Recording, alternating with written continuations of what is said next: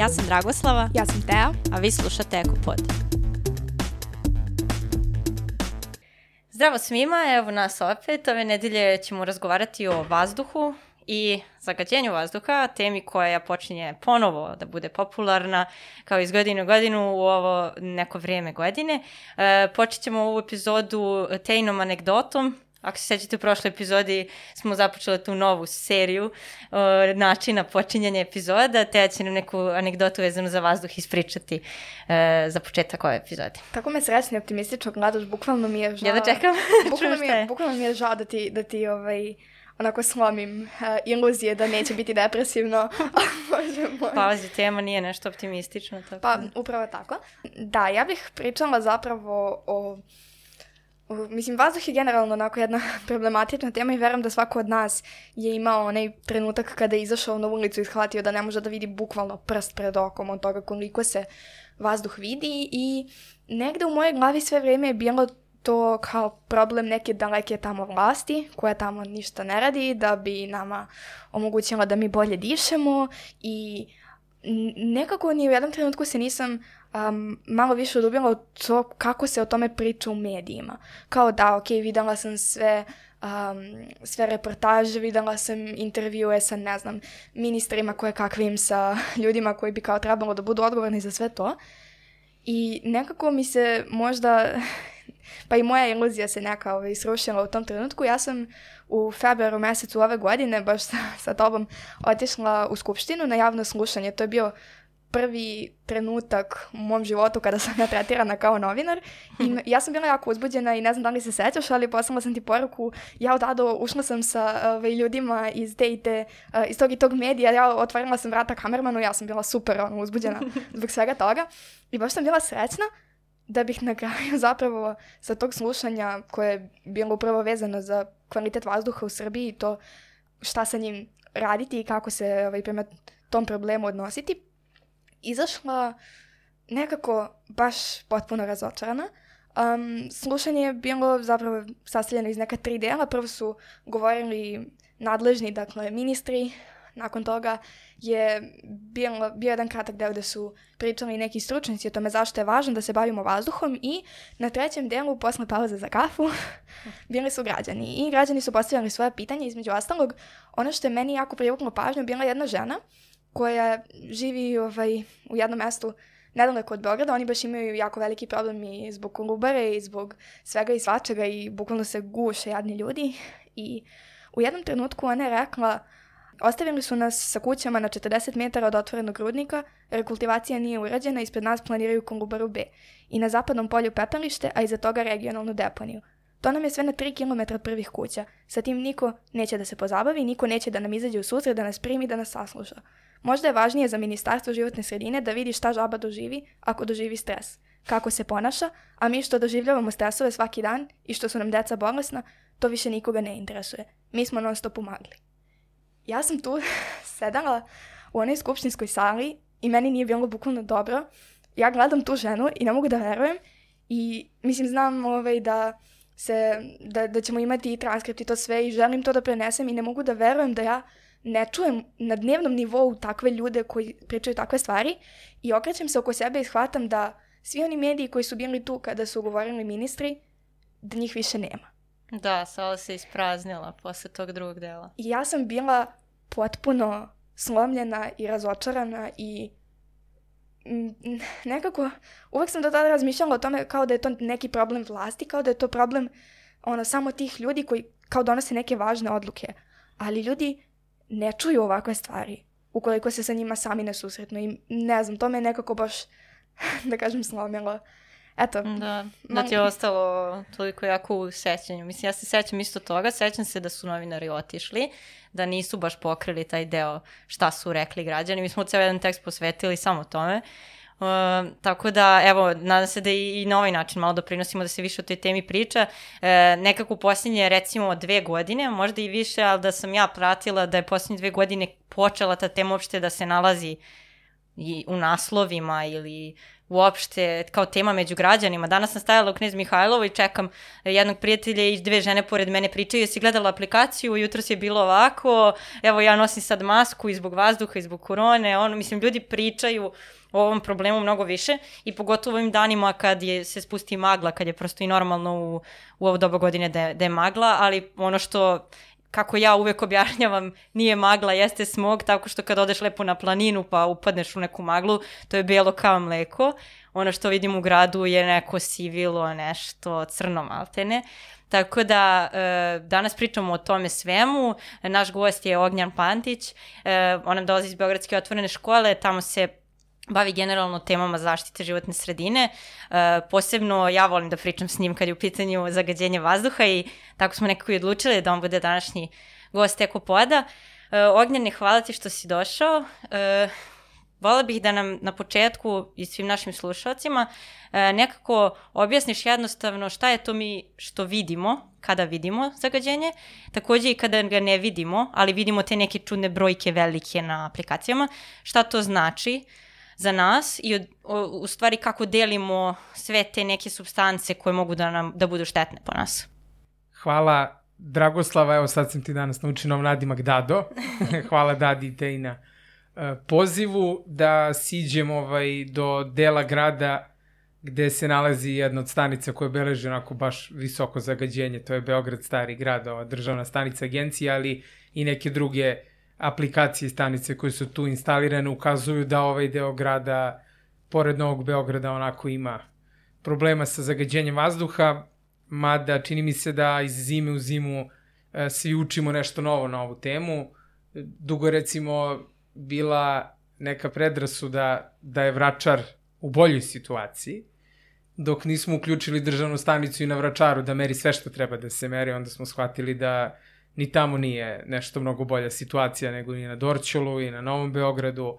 E, Već prošle zime i, i dalje bilo uh, zeleno uvek na Vračaru. Kad su to do, dodali? Da, do 28. januara čini mi se Aha, ove godine. A. Tada je uključena ona, a problem je generalno na nivou cele Srbije.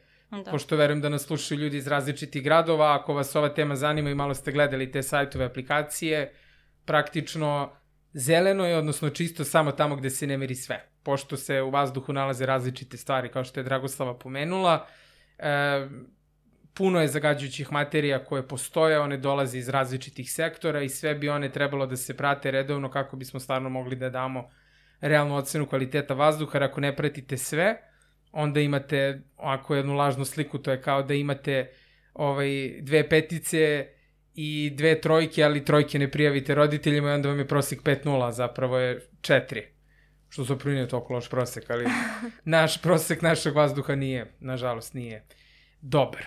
Tako da ajde da se vratimo na, na početak, na ovo što je Dragoslava pitala. Dakle, da ne idem onako rogobatno i u zakone i da deklamujem svaku koga zanima, ko se malo više razume u, u hemiju, u biologiju, u fiziku, ko, ko želi da uđe baš u detalje šta je sve to što se u vazduhu nalazi, to može da, da uradi, da potraži ovaj spisak tih svih zagađujućih materija u zakonu i u podzakonskim aktima, onako samo ovaj, okvirno da kažemo, to su te uh, to su te suspendovane čestice, odnosno PM čestice o kojima se sve više priča, to je sumpor dioksid, to je azot dioksid, to je prizemni ozon i to su ovaj, neki brojni teški metali. Um, uglavnom je reč o gasovima, E, sa izuzetkom ovih čestica koje su praktično jedna, jedna sitna mešavina čađi, prašine i dima, koja je sama po sebi štetna, a kad uzmemo obzir i to da se na te sitne, sitne čestice lepe neke dodatne zagađujuće materije, ovaj, poput nekih teških metala, onda to jednačinu čini još komplikovanijom, tako da ono što vi vidite u vazduhu, uh, uglavnom jeste neko gasovito zagađenje, ali kada vidite onu finu liniju smoga koja je onako ovaj, sivkasta, to su dakle i te neke sitne čestice koje potiču iz različitih sektora. Uglavnom se pričalo o automobilima, jer to je nešto što nam je intuitivno blisko. Pa i dalje se priča, nekako i dalje, i dalje se, moramo da razbijamo tu ideju. I dalje ideju. se priča, da. da, ali mi smo nekako radi da se, da se potrudimo da, da, da malo tu, uh, ajde da kažem, ne razbijemo iluziju, ali da proširimo razgovor o tome. Ima, ima i saobraćaj nekog svog udela u zagađenju svakako, ali moramo, ako želimo da nam prosek bude visok, ono čemu smo pričali malo pre, da krenemo onako ovaj, po redu od nekih zvaničnih dokumenta, naše te institucije koje to prate kažu da nije baš saobraćaj glavni odnosno da je pre svega problem načina koji se mi gremo i načina koji se proizvodi a, električna energija u Srbiji. Da u stvari najviše zagađenje dolazi odatle. Kad se ta ocena na godišnjem nivou donosi, ono što je poslednja zvanična ocena za 2019, to jeste da je u 12 gradova u Srbiji vazduh prekomerno zagađen. Od tih 12 u 11 je razlog to čestično zagađenje, odnosno prisustvo visoko tih suspendovanih čestica u vazduhu. U jednom gradu je to sumpor dioksid. Dakle, taj jedan grad je Bor, ovih ostalih 11 gradova se ne usuđujem da nabrojim, mislim da ću neki propustiti ili neki dodati jer se ponekad menja ocena na godišnjem nivou, ali to ovaj, svakako jeste, dakle, Beograd, um, tu je sada i Novi Sad, koji recimo prošle godine nije bio, kao i Niš, mm -hmm. uh, tu je um, Užice, tu je Valjevo, tu je Smederevo, uh, Zaječar, uh, tako da brojni su gradovi uh, i u različitim delovima zemlje. Ono što mene dodatno brine kao nekoga ko evo već ovo je treća godina kako ovu temu pratim i o njoj učim svaki put nešto novo, e, jeste činjenica da kad smo malo seli ukrstili te beleške praktično tu neku visoku lepu ocenu mi samo gradovi gde se te te čuvene čestice ne mere, uključujući i moj rodni Kragujevac koji je nekako uspeo da ispadne iz kategorije prekomerno zagađenih ovaj, među gradove sa čistim vazduhom, ali to je nešto što ocena je nešto što je protivno kako subjektivnom osjećaju ljudi koji vide tamo zagađenje golim okom koje ga osjećaju ovaj, u svojim nosevima, u svojim disajnim putevima i ono što vide recimo na svojim automobilima kao neku sitnu gareš koja se pojavljuje u okolini ovaj, velike toplane tamo. A jako je veliki broj ljudi, na primjer, koji se konkretno temom zagađenja vazduha ne bavi ovaj, tako, tako opsežno i koji o tome uglavnom čuju ili na vestima ili nekim drugim televizijskim programima, mnogi od njih su upitna kvaliteta, pa nekako mi se čini da kad god se spominju te suspendovane čestice, a spominju se mnogo, da se jako redko razjašnjavaju i da nekada ljudi imaju ideju da je to ili pa eto tamo neke čestice koje nemaju veze sa mnom ili nešto što će meni da racepa pluća. I nema između. Ili se, ili se ono su čuli ljudi da može da dođe do, ne znam, grebanja pluća, pa su se sad utripovali da će da umru sutra, što mislim istina je da, da svakako zagađenje mnogo povećava rizik od a, razvoja mnogih bolesti pa na kraju čak i smrti, o tome ćemo malo kasnije, ali nekako šta, hajde da probamo ukratko da objasnimo Znači, ok, znamo sada šta su te suspendovane čestice, od čega se one sastoje, ali šta one, zašto su one problem nama? Oni su problem e, zbog toga što se na njih lepi neke dodatne zagađujuće materije i onda predstavljaju dodatnu opasnost. Dakle, nisu to uvek čestice same po sebi, na njih i neke dodatne štetne materije mogu da se zalepe. Ono što je problem su njihove dimenzije. A, one su toliko sitne da ulaze ili u disajne puteve ili ove još, još sitnije ulaze u krvotok. Tako da jednom kada su u krvotoku praktično mogu naneti štetu celokupnom organizmu. Tako da kada se e, neki podaci o tome na koji način zagađenje vazduha utiče na javno zdravlje, ljudi uglavnom iznenade kada vide spisak bolesti, zato što mi intuitivno povezujemo zagađenje vazduha samo sa problemima disenih puteva, što jeste, to je neka, jel tako, prva linija odbrane, ali što su te čestice sitnije, one mogu da naprave veću celokupnu štetu.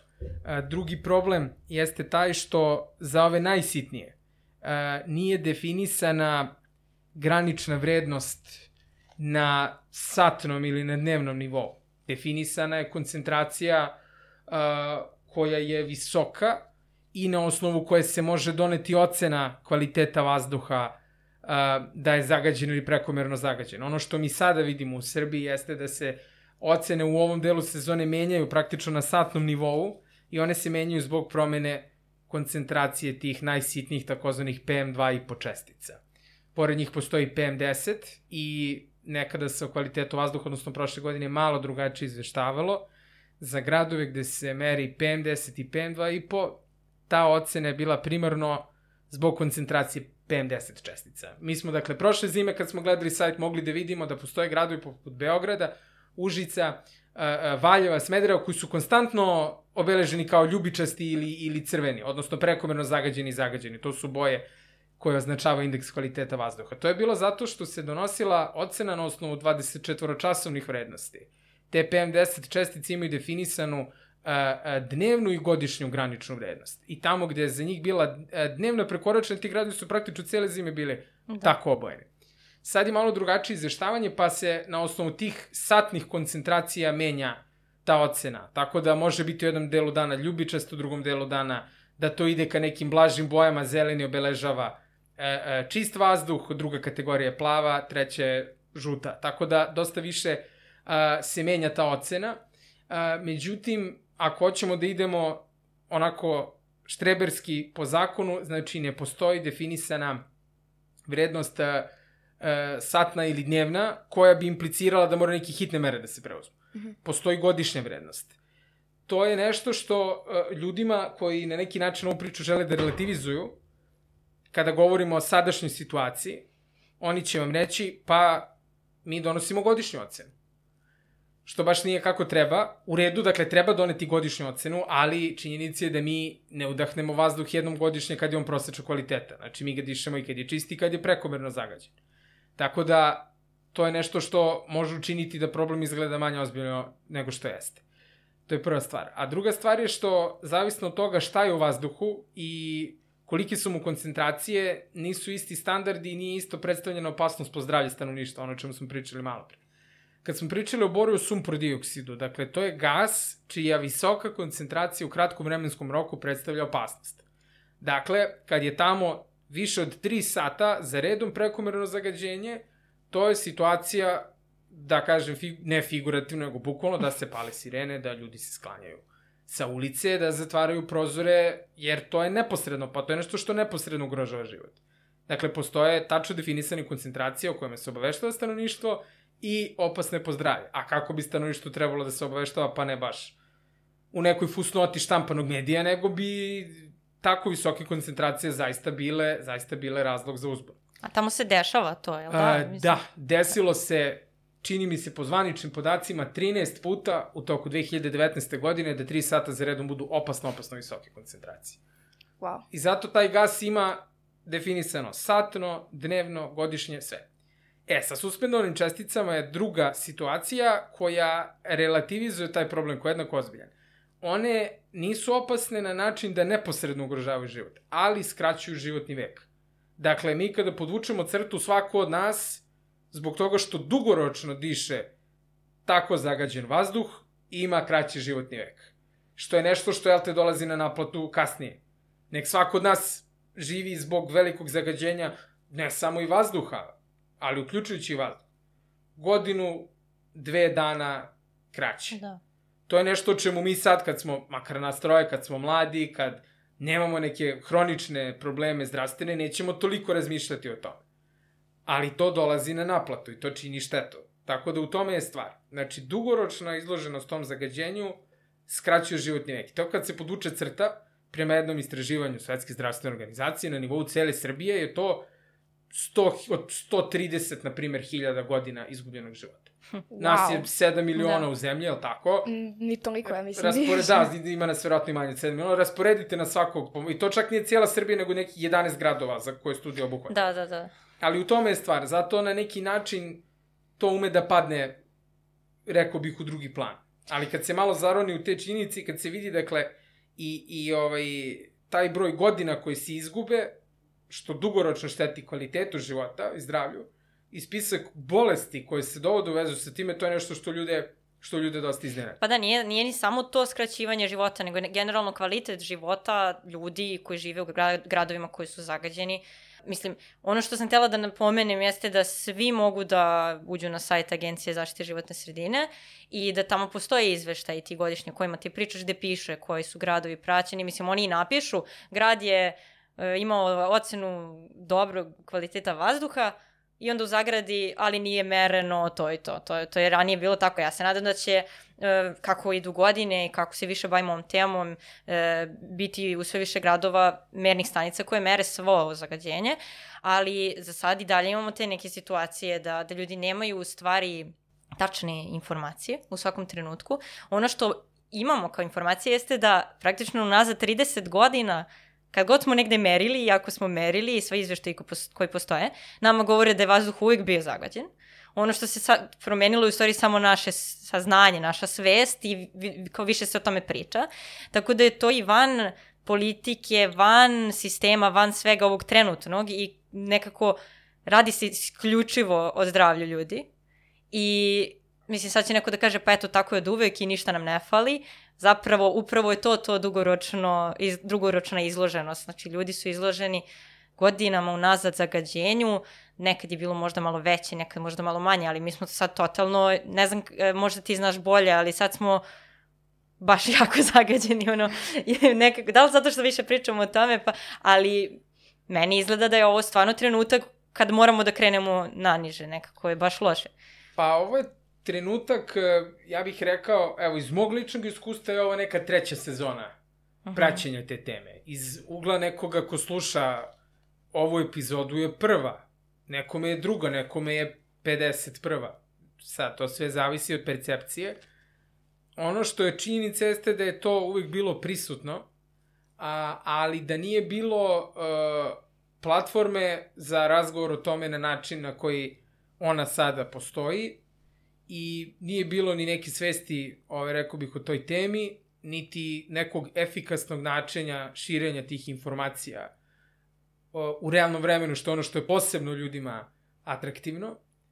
E, ja bih rekao da ono što je bila neka kapisla koja je to sve okinula, jeste moment kada se Beograd ili je bilo i Valjevo ili Beograd i Valjevo u različitim situacijama, su se obrali na prvo mesto liste e, najzagađenijih gradova na svetu. Dakle, to je vrlo zanimljiv e, moment bio, zato što pokazuje na koji način poruka treba da bude koncipirana da bi ljude, da bi ljude ovaj, motivisala uh, da se nečim bave. Ono što generalno je preporuka jeste da se mi uvek fokusiramo na naše, tako, zakone, na naše propise. Mislim, ovo ni po našim propisima nije, nije kako treba. Ali jedna stvar kad vi kažete Prosječna godišnja vrednost eh, suspendovanih čestica PM10 i PM2,5 bila je prekoračena na, ne znam, 12 mernih stanica, ovde 40, eh, ovde je bila e, ne znam, za PM2,5 35 mikrograma po metru kubnom, a trebalo bi da bude 20 ili 25. Ja dok sam to izgovorio,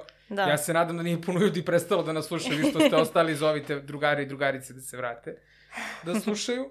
To nije, rekao bih, dovoljno atraktivno koncipirana informacija. Ta se informacija nalazi na, na primer, 20. stranici izveštaja koji je u PDF formatu na četiri klika od glavne stranice Agencije za zaštitu životne sredine, a tamo put nanese e, ljude koji temu, koji temu prate, kojima je to posao. Moment u kojem e, informacija izlazi u etar tako koncipirana je moment kada se ljudi e, bude. Očigledno ta poređenja globalna prijaju ili ne prijaju, tako da vrlo su slikovita.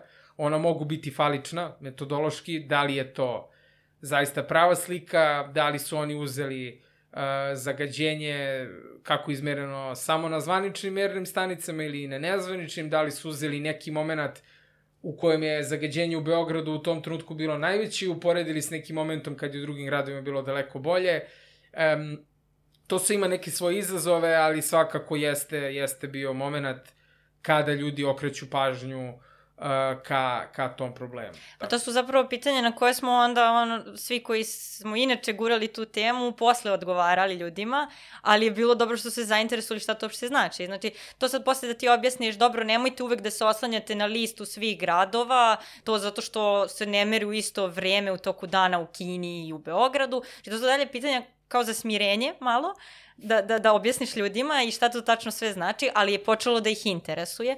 I to kada negde piše da je Beograd najzagađeniji na svetu, pa ti onda kaže je neko, jeste, to je samo u jednom danu, ali prosečno godišnje nije, to je onda onako, e, pokuša, po, neko pokuša da izvrda temu i tako dalje, ali onda kad se, čim, čim se malo ljudi zainteresuju pa vidu, vide koliko dana u godini je zapravo to slučaj, koliko vezanih dana, pa onda malo zapravo pogledaju svojim očima, pa vide to i napolju i osete miris. Mislim, prosto smo svi samo osvestili i onako otvorili svoje čula ka tome i, i sad...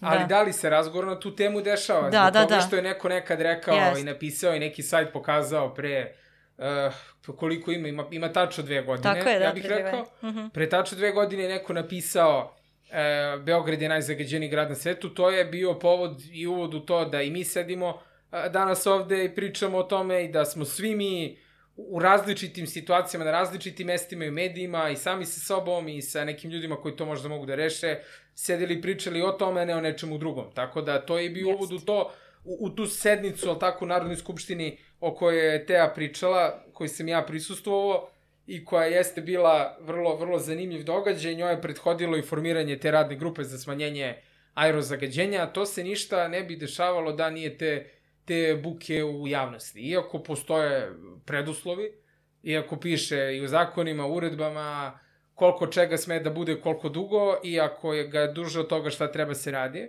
to se ne bi desilo da nije bilo uh, tog jednog intenzivnog i sveobuhvatnog razgovora svuda uh, na tu temu. Pa otud i ta radna grupa, otud i to javno slušanje koje jeste ispalo ovaj, onako činjenica da se ono dešava je bilo vrlo hrabrujuće.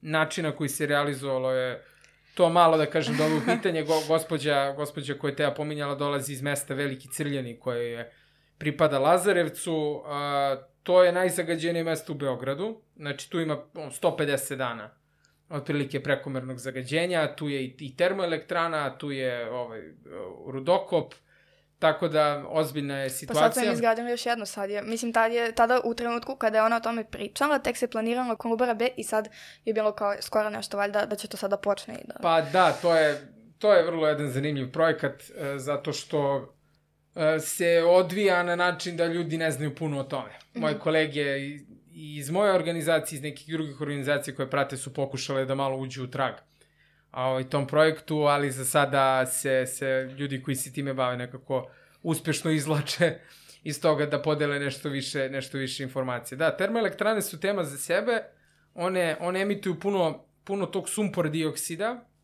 e, i tu moramo da napravimo jednu razliku samo ovaj, tih ocena, zato što mi kad pričamo o ovim česticama, mi pričamo o njihovoj koncentraciji a, u, u trenutku u vazduhu, odakle god one došle, da tako. A, postoje puno, postoji puno članaka na koje su možda najviše ljudi koji prate temu da, da su naše termoelektrane veliki zagađivači, isto zagađivači vazduha. A, I državni zvaničnici su nekim svojim nastupanjima pokušavali da objasne da to nije toliko strašan problem ja sam gledao jednu konferenciju za medije gde je tadašnji ministar energetike uh, uživo pred novinarem otvorio ovu aplikaciju za, za ovaj, uh, kvalitet vazduha i rekao je ja ne znam na šta se ljudi žale, evo pogledajte, vazduh u Kostolcu je odličan, ocenjen kao odličan. Uh, stvari u tome da, da ta ocena da one mnogo zagađuju se donosi na osnovu toga da one na godišnjem nivou emituju više nego što bi trebalo. Znači, tu ne pričamo o trenutnoj koncentraciji u vazduhu, nego o tome koliko su one tona nekog gasa u godini izbacili, konkretno sumpor dioksida. Znači, i to čak i ako pored termoelektrane nešto nije u tom trenutku izmereno, to ne znači da, da nije ona doprinela zagađenju. Zato što često u, u nekom širem krugu oko ovaj, tog postrojenja ljudi mogu da trpe veće zagađenje nego oni koji su baš, baš u neposrednoj blizini. Ali postoji sada nešto na što treba dodatno obratiti pažnju, jer mi smo svi u ovome na neki način u školskoj klupi. Ja svaki put naučim nešto novo.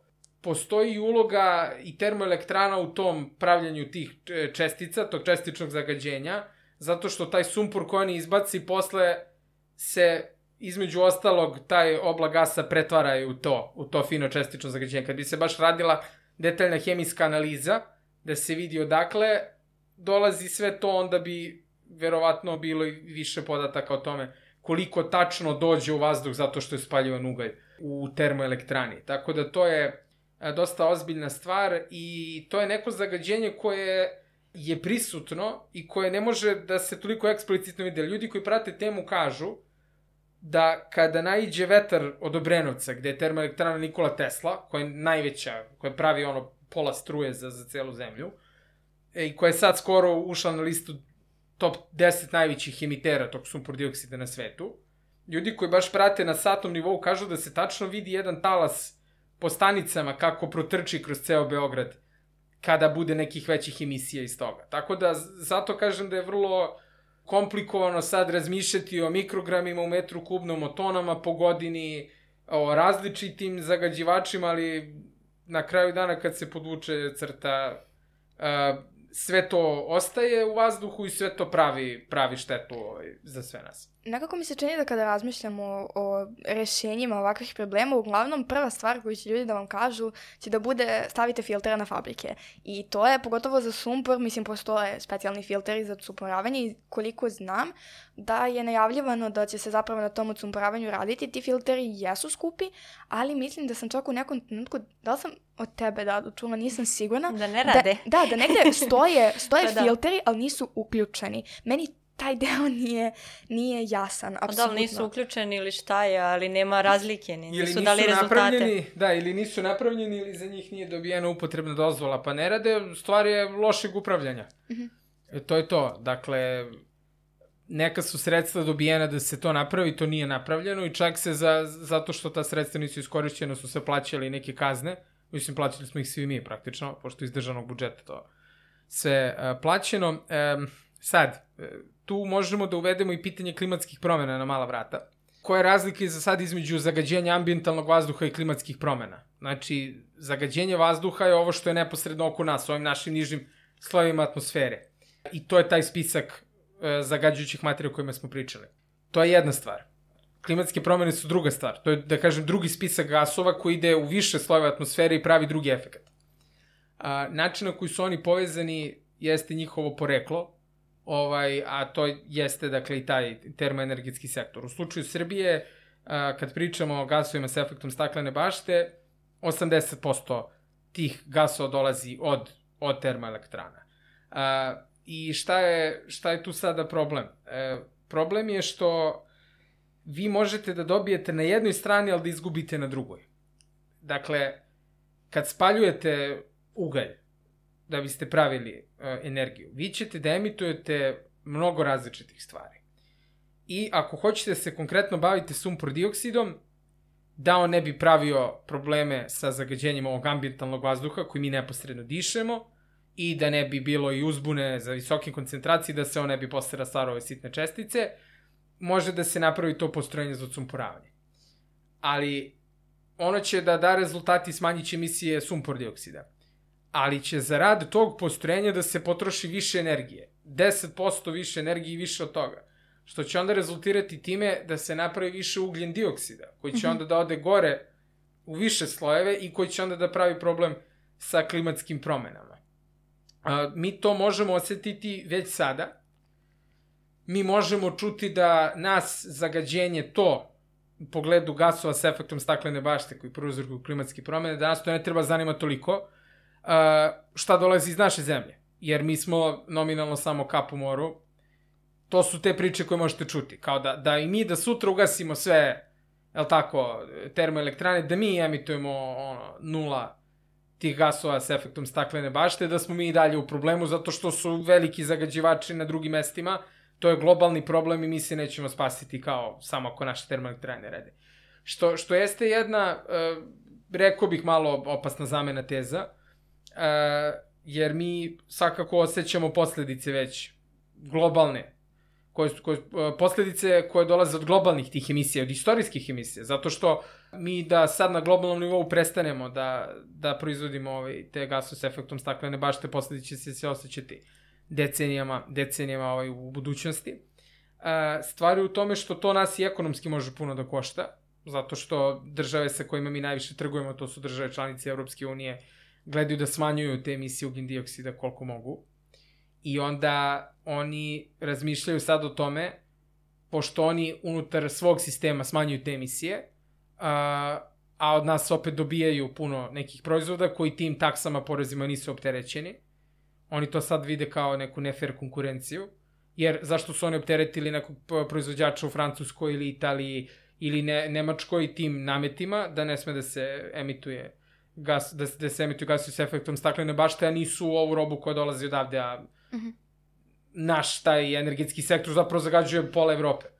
Onda oni bi nama uveli te finansijske ovaj, instrumente. Onda smo u dodatnom problemu. Tako da okreni obrni i sa aspekta toga na koji način smo pogođeni tim prirodnim katastrofama i toga koliko to ekonomski je isplativo ili neisplativo, to je nešto čega treba da ustati polako. Pa to je, mislim, to je kao budućnost, samo se sad radi o tome koliko brzo će koja zemlja da shvati i da počne da se bavi tim problemom. Mislim, generalno ceo Balkan je poprilično loš po tom pitanju, znači nismo mi Srbi najgori tu, što se i vidi isto i po tim merenjima i veliki je problem i u Sarajevu i to se zna toliko dugo već, pa opet ništa se ne dešava da se to reši. Tako da čitav Balkan i se, što se tiče termoelektrana, pravi ogroman problem i što se tiče i ovog e, čestičnog zagađenja i mislim, tačno je jednostavno, primjer, ako je Evropska unija, kao što i vidimo na tim mapama, znači ovako sve uh, levo, zeleno, zeleno, zeleno i onda kako ide ka, ka, ka, ovaj, ka nama sve, sve crvenije, ljubičastije i njima to isto smeta, mislim, to isto dolazi do njih, mi nemamo zid oko svoje zemlje pa kao samo zagađujemo sebe, tako da to je jedna stvar koja se tiče cele Evrope i mislim, mi ćemo sigurno morati, sad je samo stvar koliko još godina je potrebno da prođe da bismo mi uopšte počeli da rešavamo te probleme. Ne znam, ovaj, da li imaš neku informaciju, da li mi već sad imamo neki rok da nešto od toga rešimo, da do, dostignemo neki cilj, jer ove grupe koje su se formirale, e, mislim, to je sve izgledalo simpatično, e, rekli su neki da je to slušanje bilo najposećenije slušanje od strane javnosti od ne znam koliko ovaj, slušanja ranije i sve to u redu, ta tema je sad u javnosti, ali da li mi imamo neki cilj ili se sad samo o tome priča i tako će beskonačno da se priča, jer mislim jedno je to što smo sad mi uradili kao građani, a drugo da li će doći do nekih promjena i šta su planovi. Pošto ovo što su oni rekli, to je taj njihov plan, ja, koliko ima, 40 tačaka nekih? 43. A to je, da, to je mislim, za grad to je bilo, Beograd. Za grad da. Beograd, da. O, mislim, i inače za ceo, i za grad Beograd i generalna priča je bila to saobraćaj, hibridna vozila, mislim, neke gluposti, sađenje milion nekog drveća. Stabala. Da, da, da, milion stabala, ne znam koliko hiljada su posadili. Da, to je nula. trebalo, ja mislim da smo nešto računali, da li to 500 stabala dnevno. Dnevno, da, da. da. da. O, mislim, ti svi planovi su stvarno smešni, ja ne znam kome to izgleda ozbiljno i kao, kao zapravo dostizanje nekog cilja koji će stvarno da promeni situaciju. Uh, E, ali čekaj, uh, da, pokušam da pitam već, već neko vreme, ali da. mi, mnogo, mi, mnogo mi se sviđa u kom pravcu i da ovo nisam da prekidam. Što se tiče baš upravo tih, da kažemo, lokalnih stvari i tog um, famoznog plana, 43 mere, milion stabala i ne znam ni ja šta sve, zanima me zapravo da li možemo mi zaista na neki način lokalno da utičemo da se da se upravo, mislim, čak i ako su, mislim, dobro, ovo su već mere su onako malo a, predaleko puštene tako u neki domen naučne fantastike, rekla bih, ali čak i da su u pitanju neke, da kažemo, normalne mere, nešto što može da se ostvari, da li postoji neki način, neka strategija, neka, neka mogućnost da se to a, pogura, da se to implementira. Gledam upravo ono što je Dada pričala, a, kako je Balkan crven, a sve ostalo je tamo kako se kreće ka, ka zapadu zelenije. Um, ono što je meni bilo, na primjer, interesantno, to je bilo upravo u tom trenutku kada su Beograd i Sarajevo bili ono preko 200, uh, ono skroz u, u crvenom i ljubičastom sve vreme. U tom trenutku istom na nekih ono 40 mjesta ispod nalazi se Zagreb i njegov indeks je 4 i on se zeleni. Zašto se Zagreb zeleni, a Sarajevo koje, mislim, nije toliko daleko je svo u crvenom, mislim, koliko je, na, koliko možemo da utičemo na takve stvari na lokalnom nivou. Jer ne možemo da kažemo baš sad, ne znam, nama stiglo zagađenje iz Bosne, nemamo mi šta tu da radimo. Pa me zanima, znači, da li, da li postoji neka šansa i za Beograd i za ove ostale gradove ili je to ipak u Srbiji predaleko? Pa, šansa postoji sigurno, samo neke su se šanse propustile. Ovo, ovaj, toliko je, da kažem, pričati o rešenjima komplikovano da, da ne znam ni, ni odakle bih pošao ali ajde da, da pođemo... Zvini ako te mučimo, ne, mislim da to kakvi. zanima ljude. Ne, ne, to je, da. meni je, meni je ovaj, veoma drago da se takva pitanja postavljaju, zato što, posmatrujući iz ove moje perspektive, um, ja ovo vidim kao uh, sezonu koju treba pričati o rešenjima. Dakle, ako je prva sezona bila posvećena razumevanju tog problema, odnosno spoznaji da zagađenje vazduha postoji, ako je druga sezona, odnosno prošla, bila posvećena tome da mi razumemo odakle zagađenje dolazi, a dolazi pre svega kad je Srbija u pitanju i kad su te čestice u pitanju od grejanja, znači od individualnih domaćinstava i od malih toplana, da smo mi sada došli u poziciju da konačno malo pričamo o rešenjima. Ona mogu biti od tih planskih do nekih vrlo konkretnih. Planova fali, dakle, nama fali nacionalni neki plan, odnosno strategija, koja bi trebalo da bude na nacionalnom nivou, da propisuje ciljeve, da propisuje instrumente, da propisuje ko šta treba da radi. Znači, da tako neki... nešto još uvijek ne postoji, ne to da postoji. da podvučemo, da. Ne postoji, dakle, bilo je, zakon je usvojen 2009. Rečeno je da je rok za strategiju dve godine, ali su bili izmene dopune zakona i trebalo je da imamo tu neku strategiju od 1. januara 2015. Sad, zašto je ovo važno? Važno je zato što kad vi nemate to na nacionalnom nivou, onda svi drugi ne znaju šta da radi kako tome da pristupe. E, I onda ulazite u jednu situaciju da se žonglira odgovornošću. Dakle, u momentu kad je zagađenje bilo najviše, kada su sve oči bile uprte u izvršnu vlast, republičko odgovor je bio, to je nadležnost lokalnih samouprava. Vi onda porazgovarate sa nekim iz neke lokalne samouprave koji ima problem i nekoga ko to prati i oni kažu mi ne znamo šta smemo, koliko smemo i kako kad mi nemamo nacionalni dokument na temelju kog mi treba da ove te naše lokalne planove pravimo. Tako da, ja bih počeo tog nacionalnog, zašto je on važan? On je važan iz, iz prostog razloga što vi prvo vidite da bez tog nacionalnog dokumenta ove lokalne vlasti ne znaju kako problema da pristupe. Dakle, to, to je prva stvar. Druga stvar, on je potreban zato što za rešavanje tog problema je potrebno da svi sednu za sto. Vi ste videli tu radnu grupu za smanjenje aerozagađenja, u njoj su bili ljudi svih mogućih različitih institucija. Uh, predlozi rešenja nisu bili adekvatni svakako, a mislim da nisu bili ni sprovedeni. Tako da imamo jednu priliku da, da to krenemo iz početka ove zime kako treba ono što je tu primetno jeste da tu moraju da sede ljudi koji se bave životnom sredinom, energetikom, uh, građevinom, saobraćajem, javnim zdravljem. Dakle, zbog toga je potrebno da se na nacionalnom nivou taj problem obradi kako treba. Svaka lokalna samouprava, grad, opština, treba da pristupi problemu lokalno i da vidi prvo šta je problem i drugo šta je tu nadležnost nekog grada ili opštine. Ukoliko je kao što je u pitanju Kragujevac, tu pored domaćinstava i jedna toplana koja je najveći potrošač uglja u zemlji od svih sistema centralnog grejanja, onda je to gradski problem. Zato što je ta toplana u nadležnosti lokalne samouprave. Ukoliko odete u Bor, gde imate ovaj, fabriku, odakle dolazi zagađenje, ali koji dozvola ni izdata na lokalnom nivou, nego strane nacionalnih vlasti, onda je to pitanje za taj nivo vlasti. Tako da svako, svaka lokalna sredina ima drugi problem. Recimo Valjevo ima, pored toga što ima puno domaćinstava koje se nisu na sistemu centralnog grejanja, pored toga što je u pitanju kotlina, što dodatno pravi problem kao i Užice, kao i Sarajevo o kojem smo pričali, deo odgovora je u tome. U tim nepovoljnim geografskim uslovima i atmosferskim prilikama.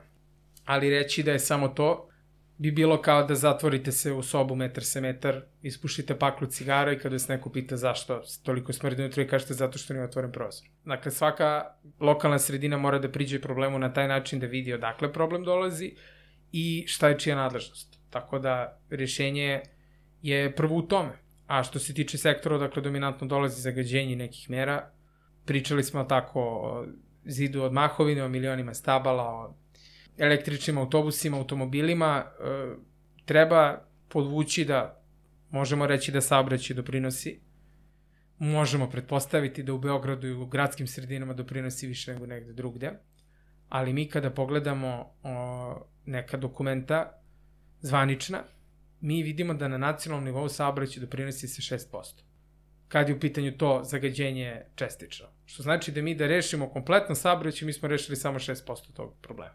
A to je tako, mislim, to prati generalno ceo svet i u celom svetu je saobraćaj u tom nekom rangu procentualno, mislim, nije, nije jedan od glavnih i da stvarno da ceo svet reši saobraćaj i dalje bismo imali problem. Ovde kod nas je problem, dakle, delom se odgovor upravo nalazi ovome o čemu smo pričali. Dakle, kad se pogleda ta evropska mapa na zapadu je malo zelenija, što smo istočnije, to je situacija lošija, postoje i neke druge mape koje imaju slične indikacije, te mape govore o kupovnoj moći stanovništva. I isto tako sa zapada idu na istok naniže. Tako da kod nas je način na koji se ljudi greju neposredno vezan za njihovu uh, platežnu sposobnost. Tako da ljudi te loše energente biraju zato što ne mogu da priušte nešto drugo. Imaju stare neefikasne šporete, ne spreme drva na vreme, pa to bude sirovo, a ne suvo drvo. E, to drvo u takvim pećima ne sagoreva kako treba. Kad ne sagore kako treba, onda svašta nešto emituje. To je problem i unutra, dakle, unutar domaćinstava. Jer mi kad pričamo o tom zagađenju, mi kažemo ambientalni vazduh, to je ono što je napolje, kad mi izađemo napolje. Ali vi kad imate takve, takve uređaje u kući, popularne smederevce, a, vi imate unutar kuće veliko zagađenje. Dakle, a vi kada pogledate nešto šta napiše Svetska zdravstvena organizacija, vama to unutrašnje zagađenje pravi na planu tih izgubljenih godina života i štete po javno zdravlje, skoro pa isti problem kao zagađenje napoja. Znači, malo više je ovo, ali isto je ogroman problem. E, to je jako teško rešiti zato što vi ne možete da na taj način svalite krivicu na građana, oni to ne rade zato što vole, sigurno, nego je njihova realnost takva.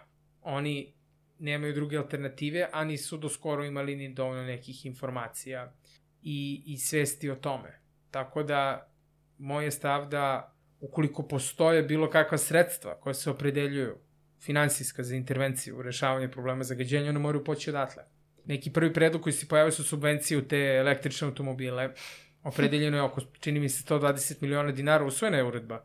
Dan pred uvođenjem vanrednog stanja zbog covid -a, pa je to malo prošlo. Ispod radara. Dakle, ukoliko postoje bilo kakva sredstva, treba uložiti u to. Ne mogu ljudi sami da, da se trgnu iz te zamke takozvanog e, energetskog siromaštva. I treba uh, te mere definisati, onda ih sprovesti i meriti učinak. Dakle, kad smo pričali o tim planovima i o tome, puno ima grada u kojima imaju neke planove, nemaju rezultate. Čim su mhm. iz godine u godinu, iz godine u godinu su prekomerno zagađeni. Pa da, znači ali pitanje da... je koliko imaju i podršku države i što se financija tiče i što se tiče nekih kao smernica u kom bi pravcu moglo ići. Naprimjer, znam da u Americi. Naprimjer, nisam sad sigurna baš da li za zagađenje vazduha ili za gasove staklene bašte, mada u suštini dođemo na isto. Rade se planovi, znači svaki grad ima neki svoj deo budžeta koji je odvojen za upravo te a, stvari koje se tiču životne sredine i a, oni mogu da planiraju u skladu sa time šta je kod njih najveći uzrok i šta je kod njih najveći problem da planiraju kako će da reaguju. Mi nemamo, čini mi se, dovoljno jaku tu lokalnu vlast da bismo mogli tako nešto da radimo. Ali da li je to možda ipak neš, neki smer u kom bismo mogli krenuti, da li se to čini kao da bi moglo da radi? Pa ja, da, ja ne bih sad uvek možemo da razmišljamo da li da krenemo od, od vrha na dole ili od ozdo na gore, odakle promena treba da dođe, ali ja bih nekako volio da dođe sa svih strana, mm -hmm. ako, i kako, ako i kako moguće i da svako radi svoj posao, ono što mu piše ovaj, u, i opisu posla i u, i u zakonu i u statutu i na, na kom god da je nivou vlasti, to se odnosi na sve, znači na ministarstvo i na vladu, a, i na ovaj, ljude koji su u gradskim upravama i na ljude koji su industrijski a, zagađivači, emiteri, na ljude koji su inspektori, Svako tu ima svoj taksativno popisan uh, ovaj, uh, skup uh, stvari koje treba da radi i to kad bi se radilo bio bi problem mnogo manji ili ne bi postojalo bi bio mnogo manji. Tako da kad bi svako radio svoj posao to je super. Na papiru, to sve piše u praksi se to ne primenjuje iz kojih razloga, iz razloga što očigledno nečiji finansijski ekonomski interesi su takvi da, da se to blokira, tako da to je to Znači, deo to, te načine uh, jeste, dakle, i korupcija i nedovoljno ulaganje u životnu sredinu, tako da moramo da govorimo o tome na ovaj način ovako sveobuhvatno, zato što onda upadamo u različite zamke. Lično, moje kolege i ja koji, koji pratimo temu i kad smo tako malo više ovaj, sa nekim drugim partnerskim organizacijama elaborirali šta su to individualna ložišta, koliko su ti šporeti efikasni i neefikasni, onda smo bili suočeni sa optužbama da, da mi radimo protiv građana, da, da mi mhm. krivimo građane, da su nama građani krivi. Uh, pojavilo se neki navod prošle zime da kao će sad građani plaćati neku taksu o, za zagađenje. E, koja verovatno neće ići za... Pa koja neće pa ići, sigurno da. neće. Sigurno da, neće da, ići, da. da. Da, da to zna na koji način se troše, odnosno ne troše sredstva za zaštitu životne sredine. Ja uopšte ne bih išao u tom pravcu, nego to je, to je svima toliko nova teritorija da, da ja stvarno mislim da vredi probati, ali meriti te meriti te rezultate, da vi ako imate neka sredstva, umesto što, što hoćete da uložite milion evra u neke električne automobile, koji su privatni automobili, vrlo imućnih građana, dakle to ne može svako sebi da priušti, niti ne znam koliko ima tih punjača po zemlji, i da li bi to bila kupovina celog auta ili bi to bile neke kao kofinansiranje, opet to je nešto što rešava mali deo problema i nešto što sebi jako mali, smešno mali deo stanovništva može da Pa da, to je da ono, onda davanje novca opet bogatijem delu stanovništva da. kojem ne treba nikakav pomoć da. da manje zagađaju u principu i mislim imali smo i situacije dane kada nema saobraćaja, to je tako bilo jedna dobra stvar iz cele ove situacije sa koronom gde ti imaš veliko zagađenje u gradu Beogradu, a nema nešto mnogo saobraćaja. Mislim, to su sve dobri primeri i definitivno saobraćaj jeste nešto što treba da se rešava i e, zemlje u Evropi rade na tome, ali tek nakon što su rešili sve ove probleme druge kojima mi pričamo i ono što građ, možda možemo sad da, da, da kažemo šta bi ljudi mogli sami da urade dok se ne smisli država. Mislim, e, mislim da sad već se dosta menja u smislu, ljudi su ranije mislili bar iz mog okruženja, oni koji imaju te smedrevce, da otprilike sve što gori može da ide u smedrevac. Bukvalno papirić od, one, od bombone, sve, znači bukvalno sve. Sad već polako se toliko priča, ja znam, ja prva idem i nemoj to. Znači, bukvalno truješ sebe, svog komšiju, svakoga. Pa količina novina. Iverica, ofarbane, ono, ostane farbana ograda, pa se to racepa, pa sve ide u vatru. Mi imam utisak da ljudi sad malo više, bar ti iz mog okruženja, da li što im ja tako solim pamet ili šta, da malo se popravlja, u tom smislu to ljudi mogu, u svom, bukvalno u svojoj kući, da malo promene da, i da zavisi, povedu računa. Zavisi, da, uh, kakva je njihova lična situacija. Naravno, da. Ja sam, recimo, sada uh, prešao u jedan stan koji više nije, na, dakle, živio sam u stanu koji je bio na sistemu daljinskog grejanja, uh, sada sam u stanu gde će grejanje biti ovaj, na struju, sad šta je tu dobra stvar? Dakle, dobra stvar je što pametnim trošenjem mogu da se naprave uštede, uh, mislim i u kućnom budžetu, ali da se troši manje energije, zato što onda praktično mene, mene ne gre toplana, mm -hmm. mene onda gre termoelektrana, je li tako? Da. Ovaj, mislim 50% me gre više, koliko, ko je doprino 70% ovaj, termoelektrana, ovaj, toliko prave električne energije one.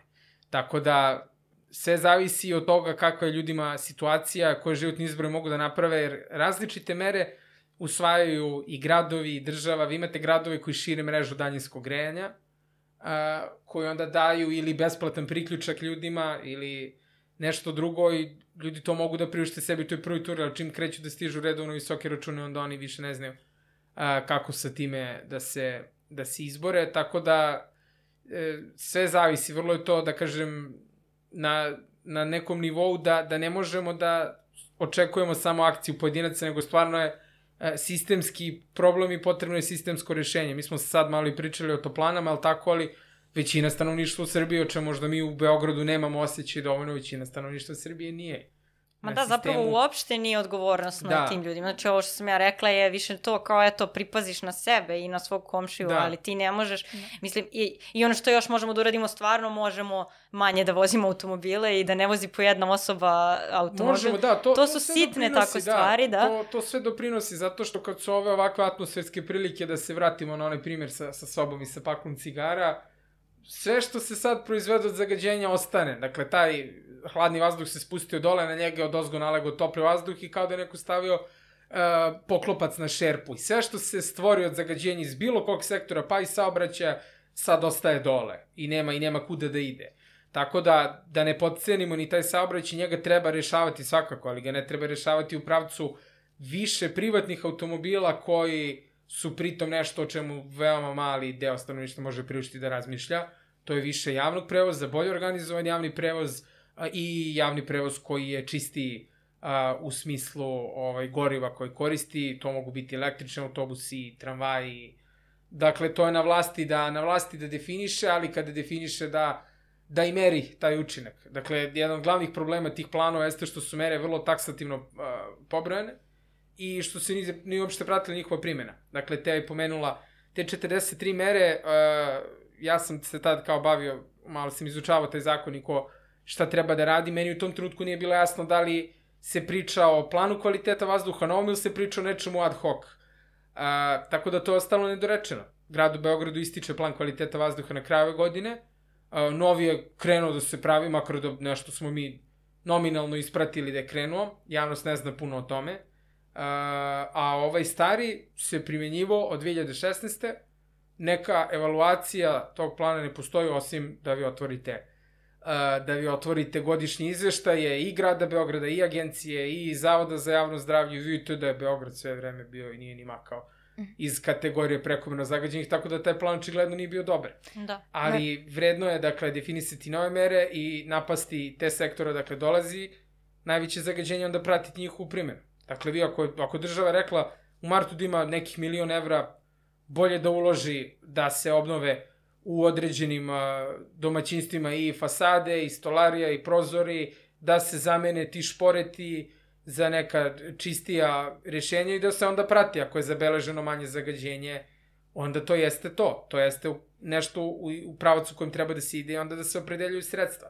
Vi možete reći da je skupo uh, ulagati u životnu sredinu, ali isto tako je skupo ne ulagati. Dakle, ali to i nije samo ulaganje u životnu sredinu, to je ulaganje, to je ulaganje u zdravlje, zdravlje. upravo to, da. zato što vi, vi možete reći, sad kad oni kažu 15 milijardi, je tako, za celu životnu sredinu, ali uh, u suštini vi ako ne ulažete, to isto trošak. Mislim, pa to su pre svega izgubljene da. godine života, ali to su i zdravstveni troškovi lečenja i troškovi što vi niste bili na poslu jer ste bili na bolovanju i tako dalje i tako dalje, ali to je trošak. Ok, da ne bismo sada čekali Košavu ovaj, da nas prekine, kao što je to bio, bio jedan od predloga za to šta da radimo po pitanju zagađenja vazduha, čekajte Košavu. Uh, mislim da bi bio red da polako privedemo ovu epizodu kraju. Uh, hvala Ognjine puno, verujem da će naši slušalci ovaj, vrlo uživati u ovoj epizodi i da će dosta toga biti u stanju da, da, da nauče iz ovog, ovog našeg razgovora. Prešla bih evo na našu sekciju zanimljivih činjenica, pa evo, ako neko ima želju da počne? Ajde, ja ću. E, ja sam htela da podelim sa našim slušalcima jednu interesantnu činjenicu uh, i namjerno nije baš fokusirana na zagađenje, nego na sam vazduh i na ono što mi dišemo, a mislim da je jako važno i da treba svi to da znaju. Tako da, moja zanimljiva činjenica danas jeste da uh, dve trećine kiselnika koji mi svi udišemo e, ne dolazi iz šuma, iz Amazonije i tako tih čuveno nazivanih pluća planete, već upravo dolazi iz okeana od organizama koji mi mo ne možemo ni da vidimo praktično, plankton, jel, to su sitne, sitne, e, sitni organizmi koji proizvode kiselnik i ogromne količine e, bukvalno izbacuju napolje u atmosferu. I eto, to, to bih ja nazvala danas pluća planete, to mi treba da budemo zahvalni za sav kiselnik koji udišemo. I dakle da, dve trećine u stvari kiselnika sve dolazi iz okeana. Eto. Imamo na neku blogu čak jedan tekst, ovaj, igram slučaja sam ga ja pisala, zove se Ne gore pluće planete, upravo je vezano za to kad je bila cijela ta frka oko Amazonije, znači šta su pluće planete, zašto Amazon to nije i šta je zapravo pravi problem sa Amazonom, tako da ćemo ga linkovati ukoliko nekoga ovo zanima posebno. Što se tiče moje zanimljive činjenice, ona dolazi sa jednog sajta koji ću vam također linkovati u opisu ove epizode, koji se bavi generalno prikupljanjem podataka raznoraznih i grupišu ga u neke kategorije, između ostalog postoji kategorija za zagađenje vazduha i uh, verovali vi ili ne, a, pretpostavlja se da, to jest da je u 2017. godini, znači evo, pre nepune tri godine, um, ukupan broj ljudi koji su zapravo umrli između ostalog kao zapravo posledica zagađenja vazduha je čak 9%. Znači skoro svaki deseti čovek koji je umro 2017. je umro zbog zagađenja vazduha. I mislim, ne, taj broj sam po sebi jeste onako strašan, ali ono što je meni, na primjer, bilo još strašnije, to je da a, su upravo bile naj, najjače pogođene a, države Istočne Azije koje imaju nenormalnu gustinu populacije, koje a, nemaju dovoljno novca da sprovedu neke a, mere koje bi im pomogle i da dok je, na primjer, u nekim bogatijim državama samo 2% ljudi umrlo zbog posljedice zagađenja vazduha, u ovim zemljama je to bilo čak 15% svih smrti u 2017. A to sam danas malo depresivan. pa dobro, um, interesantno je. Ognjene za kraj? Pa ja bih za kraj samo da još malo ljudima približim to o čemu smo pričali, zato što mislim da su im sad ono, da ne kažem da su im puna pluća čestica, ali su im puna uša čestica svakako. Um, koliko su oni sitni i što se one zovu tako, PM10 i PM2,5, to se odnosi na njihove dimenzije.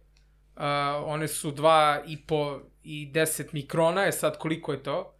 Dakle, ove što su 2,5 su sve koje su do 2,5 mikrona, a ove što su PM10 su sve koje su do 10. Primjera radi, dakle, zrno peska je 90 mikrona široko, a vlas ljudske kose 50 do 70.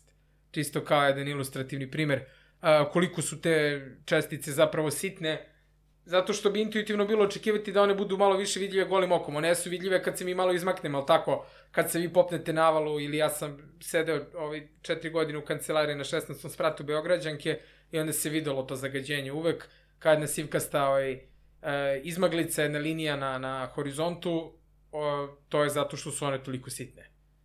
Eto, to je Da, da ja e, procesuiram da je... i dalje koliko da, je to. Da, ne mogu da kažem fun fact, više onako worrying fact, ali je da. fact. Da. Da.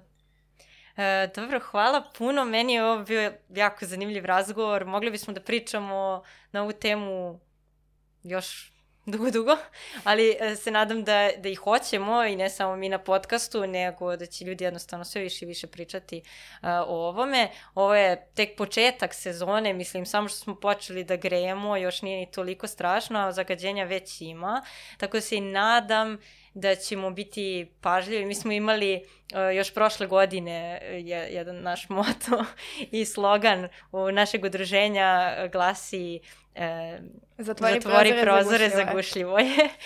e, tako da, mislim, generalno preporučujemo ljudima da, da prate ipak ovo, da prate te aplikacije. Možda će im neko reći nije to baš tako, ipak aplikacije ilustruju e, vrlo, vrlo blizu ono što je zaista situacija. Oni samo da dodam, neki od njih se direktno oslanjaju na, i na zvanične podatke. Ajde da kao uvek može biti da ulazimo u neku metodološku zamku ako se oslanjamo na neke senzore koji nisu zvanični, ali oni mogu da daju prilično dobru sliku, tamo gde nema zvaničnih senzora, ali se brojne aplikacije oslanjaju i na, na zvanične državne lokalne merne stanice. Pa većina ovih aplikacija koje su kod nas popularne, mislim da se upravo i oslanjaju na te merne stanice, tako da to jeste nešto što treba da pratimo, ako je toliko veliko zagađenje, da zaista poslušamo savest, mislim, savet i, i, i e, gradskog zavoda za javno zdravlje, to ako jednostavno kaže nemojte da trčite danas, e, nemojte da otvarate prozore u tom periodu kad je veliko zagađenje, sačuvajte svoje zdravlje bar tako sami ako ovaj, već neko drugi ne brine o njemu. I to je to za danas. Slušamo se sledeće nedelje.